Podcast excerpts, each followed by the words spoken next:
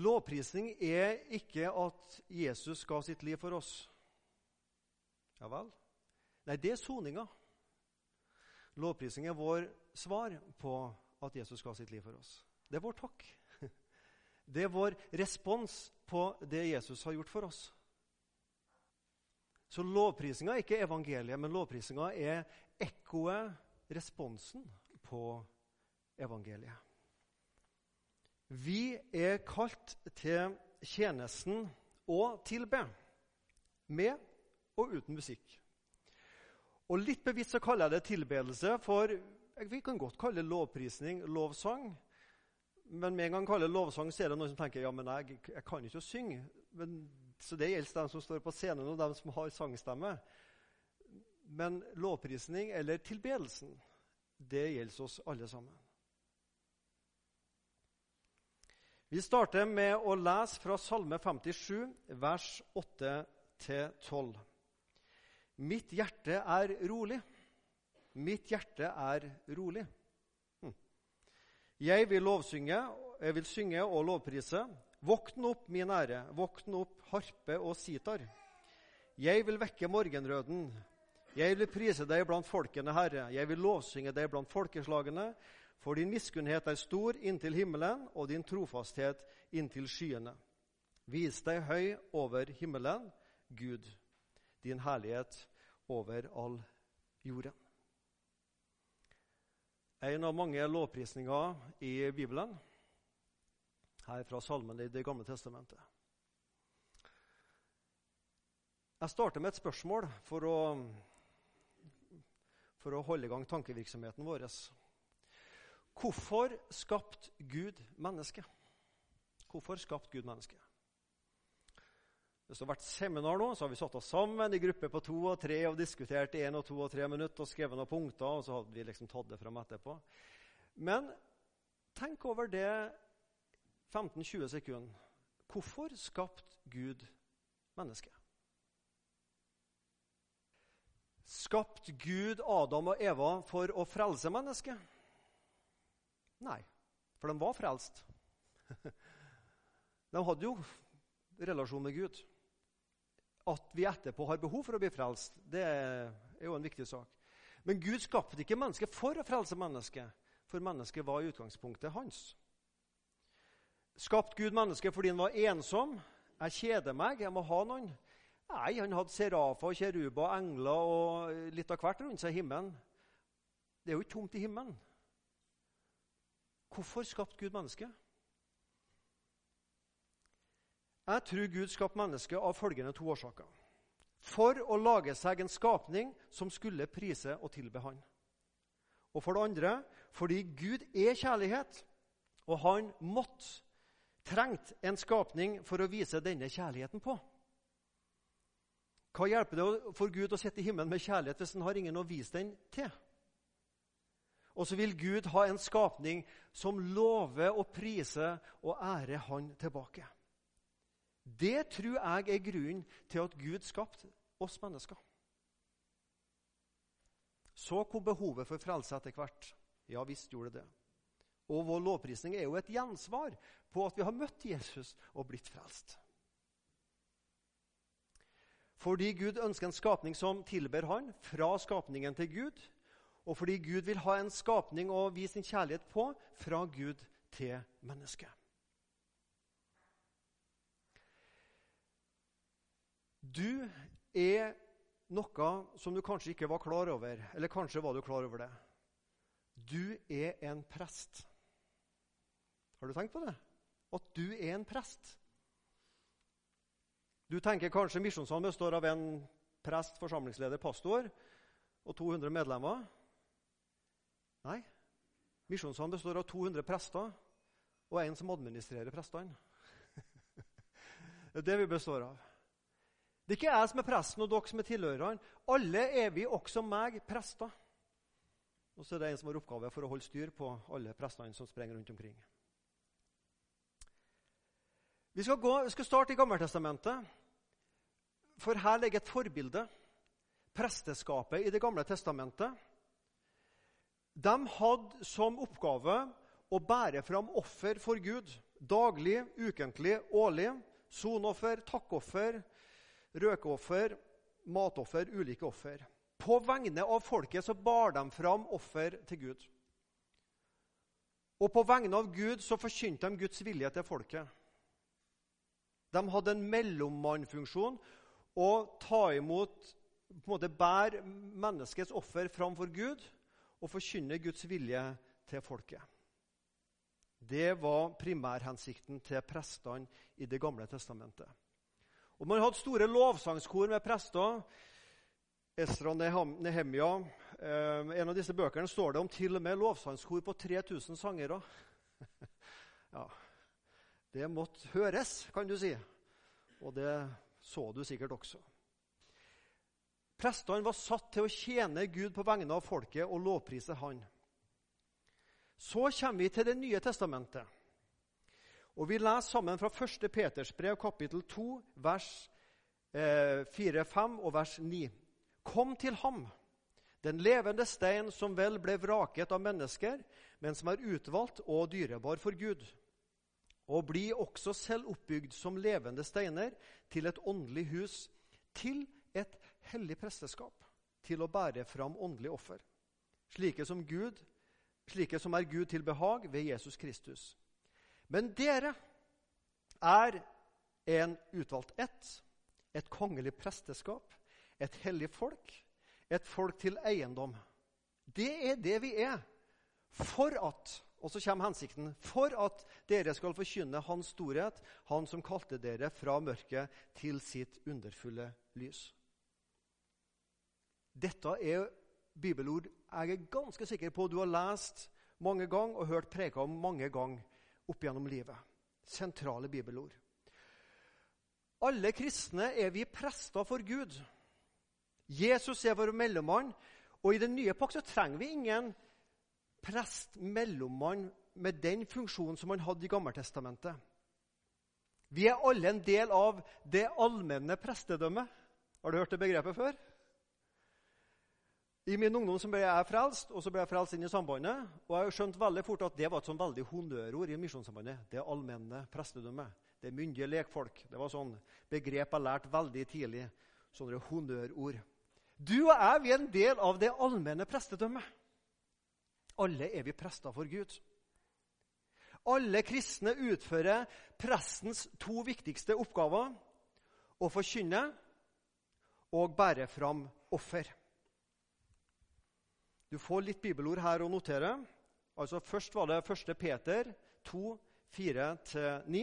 Så kan du notere deg åpenbaringa, Johannes' åpenbaring, kapittel 1, vers 5-6. Fra Jesus Kristus det troverdige vitne, den førstefødte av de døde og herskeren over kongene på jorden. Han som elsker oss og løste oss fra våre synder med sitt blod og som gjorde oss til et kongerike, til prester for Gud, sin far. Ham være æren og makten i all evighet. Som en prest for Gud, som et del av et kongerike, som prester for Gud, så har vi en funksjon eh, Vi har en oppgave Funksjon, det hørtes veldig teknisk ut. Så har vi en oppgave i å vitne om Han som ga sitt blod for oss. Han som elska oss og løste oss fra våre synder med sitt blod. Det er en av våre oppgaver. Og Hebreerne 13, vers 15-16, der står det sånn La oss, alle kristne, derfor ved ham, ved Jesus, alltid bære fram vårt lovprisningsoffer for Gud. Og hva er lovprisningsofferet? Jo, det er frukt av lepper som priser hans navn. Og så er det så godt å lovprise, kanskje, tenker ah, jeg vil bare være her og lovprise. Og så sier forfatteren av hebreerbrevet, men glem ikke å gjøre det gode og dele med andre. Ja, Vær også god, del. Ha noen praktiske oppgaver der. For slike offer er til behag for Gud. Som en prest for Gud så er det din og min oppgave å være med å vitne om Han og være med å tilbe Han. På det horisontale plan for hverandre, vitne, og på det vertikale plan å tilbe Han som har løst oss fra våre synder med sitt blod. Det er din og min oppgave som en prest for Gud.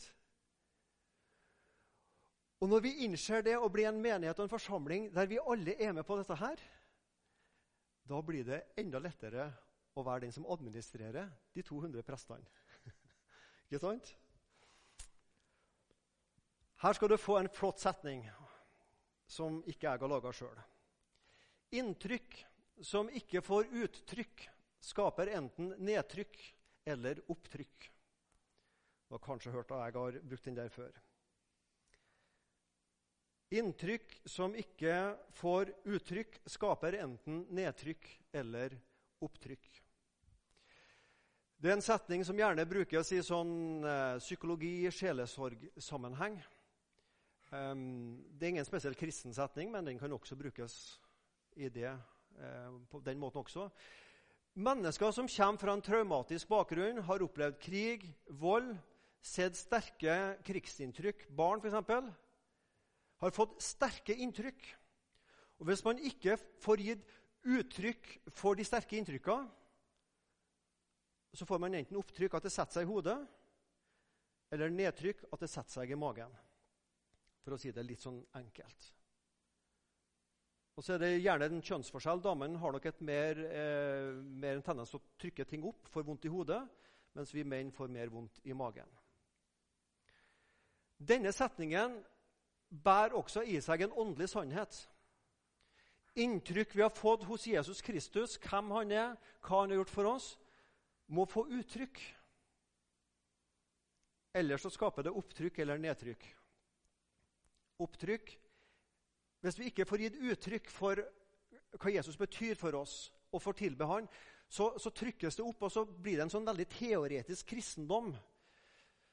Synder pluss bekjennelse pluss tilgivelse er lik rettferdig. Og det er helt sant. Og så, og så blir kristendommen en sånn matematisk stykke vi skal få til å gå i hop. Eller vi trykker det ned, og så setter det seg litt, og så, så skjemmes vi. og så gjem, gjem, Vi skjemmes over det vi gjemmer inni oss. Du og jeg har fått inntrykk hos Jesus. Jeg håper du har møtt og sett han, hvem han er, hva han har gjort for deg. Og sett storheten i det. For å si det på rogalandsk at vi her sitter. Ja, her sitter. Jeg har sett det. Jeg har møtt Jesus. Jeg har fått noen sterke inntrykk. Og Hvis jeg ikke får gitt uttrykk for det ved å vitne om det og fortelle om det, eller ved å lovprise, så sitter jeg igjen med en teoretisk kristendom eller noe sånn privat som jeg skjuler i meg sjøl. Så gjør det vondt i magen og hodet etter hvert.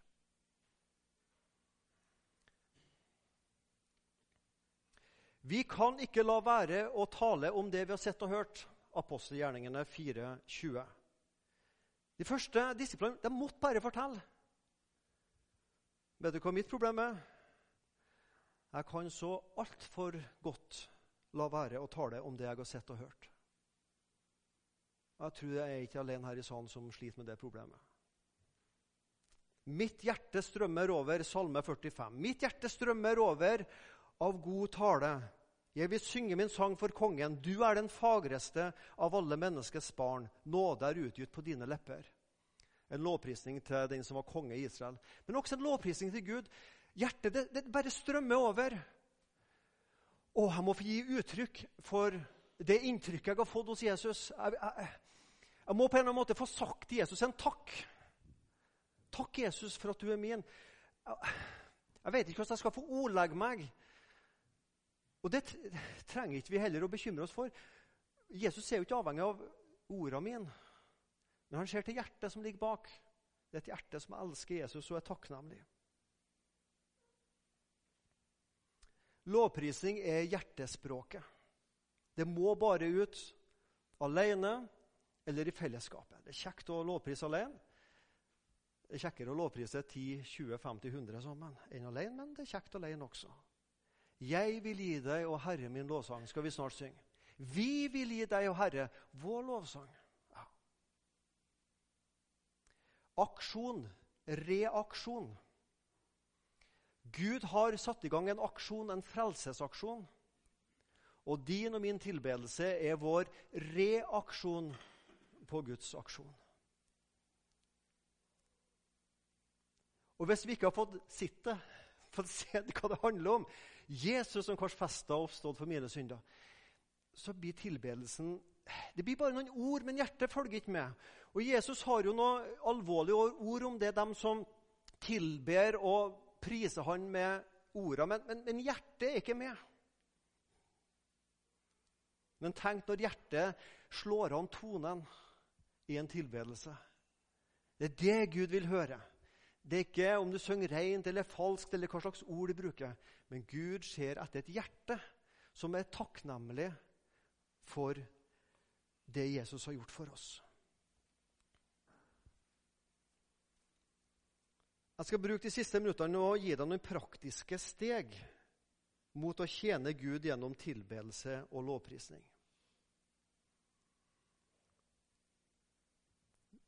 Fram til nå så håper jeg at du har skjønt at dette er viktig. Nå skal vi snakke litt om hvordan vi kan praktisere lovprisning. For det første tid. Jeg har sagt det mange ganger, jeg har hørt andre sagt det. Jeg har ikke hatt tid til å be i dag. Og det er den største løgnen. Selvfølgelig har jeg tid til å be. Jeg har 24 timer i døgnet å be på. Jeg bare stå opp ti minutter tidligere. det om du så. Men jeg har ikke tatt meg tid til å be. Det er noe helt annet. Tid det handler om å sette av tid, og det skrives å prioritere. Når på døgnet bør vi lovprise Gud? Nå vet jeg at noen av oss er A-mennesker. Tidlig om morgenen, tidlig i seng. Noen er B, seint opp. Og man tror nesten ikke Gud virker før på ettermiddagen en gang. ikke sant? Og du legger deg eh, seint. Og noen er C-mennesker. Seint opp og tidlig i seng. eller ja, og sånn og videre. Eh, når på døgnet er det mest, best å prise Gud? Og Jeg har kanskje en følelse av at en del B-mennesker tenker at A-mennesker er litt mer åndelige. For de liksom er klar til å møte Gud veldig tidlig om morgenen. Andre må liksom tenke at må vente etter klokka tolv før jeg kan snakke til Gud. når på døgnet? Det er faktisk når du er mest opplagt. Det er det enkle svaret. Gud er jo ikke avhengig av tida. Ta tid med Gud når du er mest opplagt, når det passer din Eh, dagsrytme. Noen har små barn, og da kan det være vanskelig før de har lagt seg klokka halv tolv om kvelden eller når de legger seg. Ikke sant? Du må finne et tidspunkt gjerne når det er stilt og rolig rundt deg. Og Så trenger vi også å sette av litt tid, altså i lengde. Iallfall trenger jeg det fordi det er så mange inntrykk i løpet av dagen.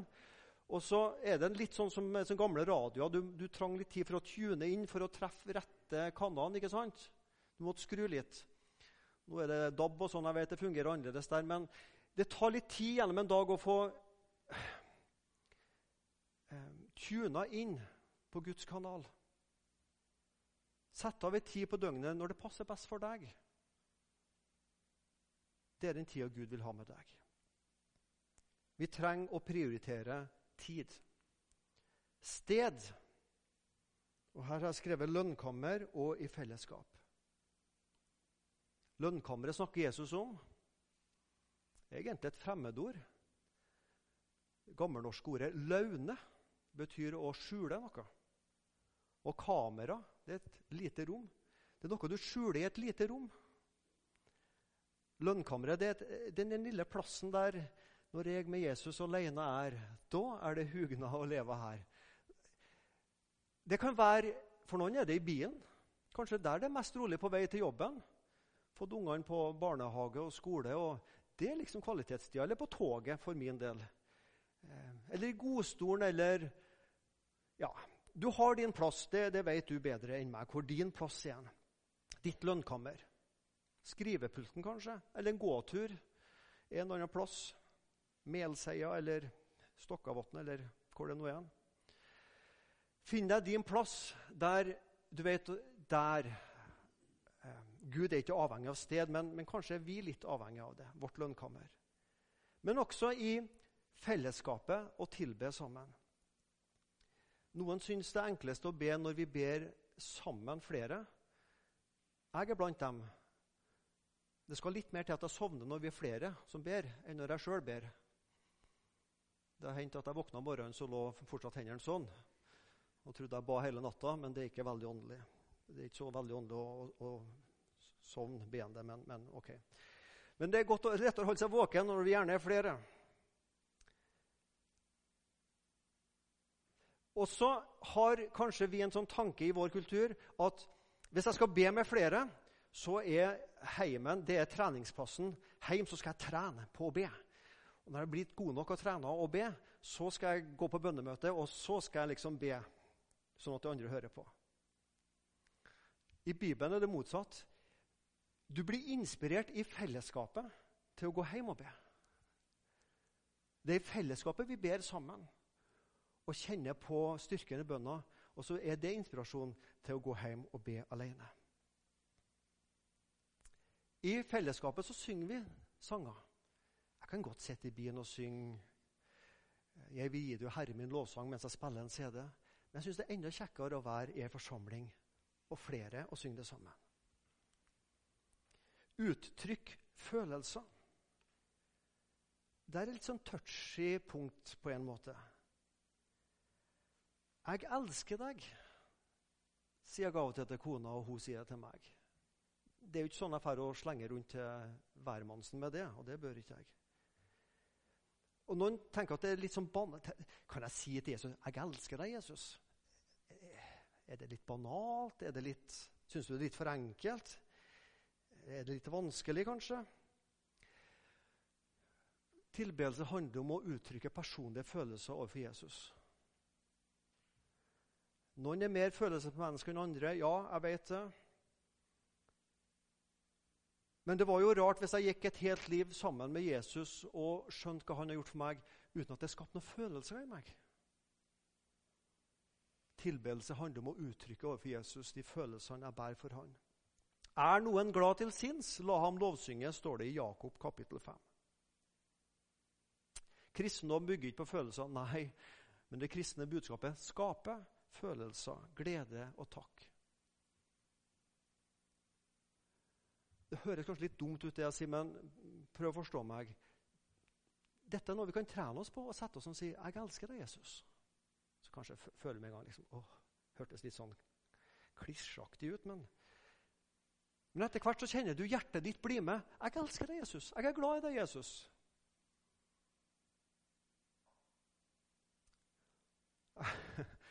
Da jeg ble kristen, så ble jeg med en, ble med en forening med gamle folk. Eh, og gilde kristne. Jeg husker ennå at de, når de ba, så tenkte jeg å tenk når jeg blir så gammel og kan bruke de ordene. Og for noen flotte ord. Jeg var så imponert. Og jeg tror de mente det, så for all del, ikke misforstå meg. Så husker Jeg jeg var med på et annet bønemøte en gang. Så var det en tidligere narkoman.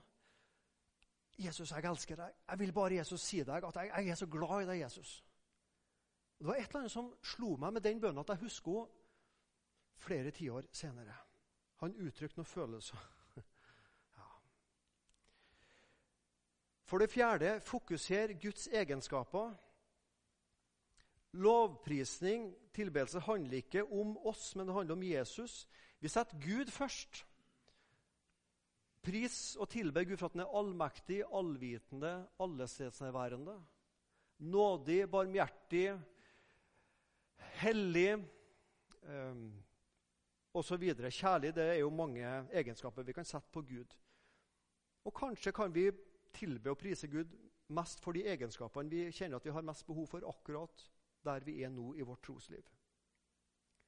Tilbedelsen fokuserer mest på Guds egenskaper, mens takken fokuserer mest på Guds gjerninger. Det er ikke et så veldig tydelig skille. Altså. Vi kan jo lovprise Gud for hans gjerninger og takke for hans egenskaper, men Takken er mer 'Takk, Jesus, for det du har gjort for meg', og jeg lovpriser deg, du hellige Gud. Og for det femte, finn noen gode modeller, forbilder. og Dem finner du i Bibelen. Du finner salmer. Legg dine ord inn i salmene. Salme 23. Uansett hvor du kommer i verden, sier Hans Johan Sagerussen, som arbeider i Bibelselskapet, så er det de samme favorittbibelversene. Det er Salme 23 og det er Johannes 3, 16. For vi kan legge vårt hjerte i dem. Finn bibelske modeller. Vår far, be den. Salmene. Paulus har mange bønner. Gå på bønnejakt i Bibelen.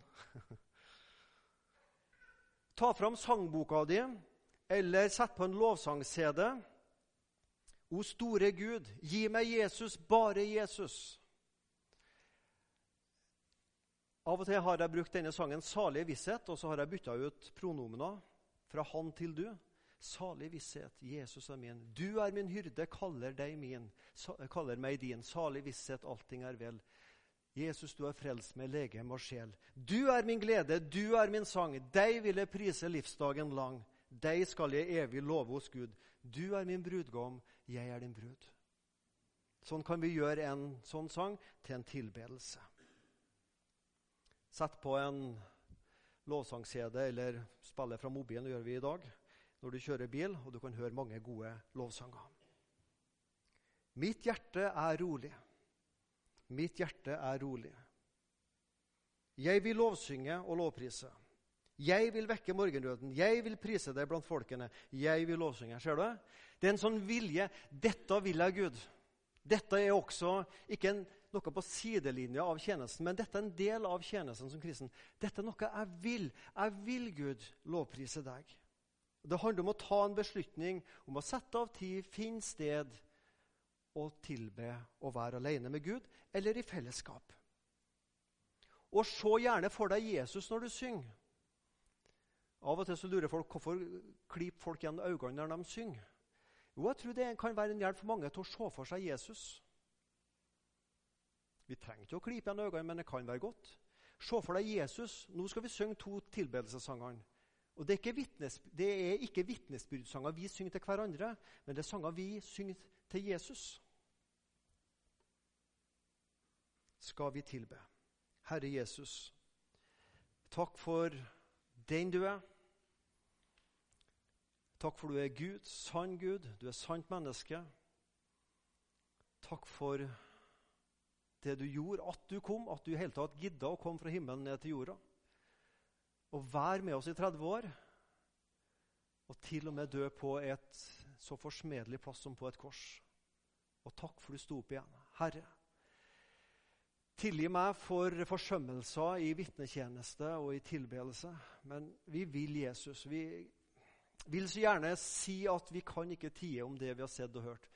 Vi vil vitne om det, vi vil dele i familie, til barn, til, til mennesker rundt oss i vår hverdag. Og så vil vi tilbe deg. Og vi vil prise deg, Jesus, du som har vist oss så stor nåde og kjærlighet.